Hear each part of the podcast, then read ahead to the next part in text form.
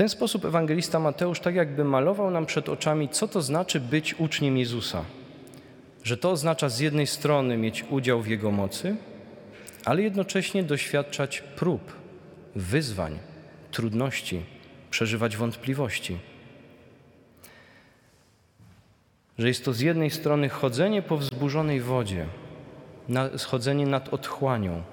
I Jezus, który wyciąga rękę, ratuje, nie pozwala utonąć, nie zapomina.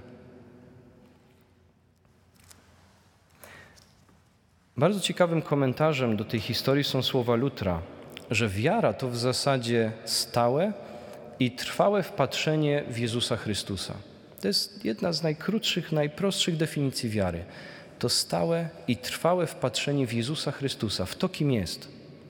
Zresztą to odkrycie Lutra jest związane też ze słowami, które mówił mu jego ojciec duchowy, Johannes von Staupitz w zakonie augustiańskim. Nie patrz na swoje grzechy, patrz na Jezusa Chrystusa. On ma być w centrum, nie Twoja słabość,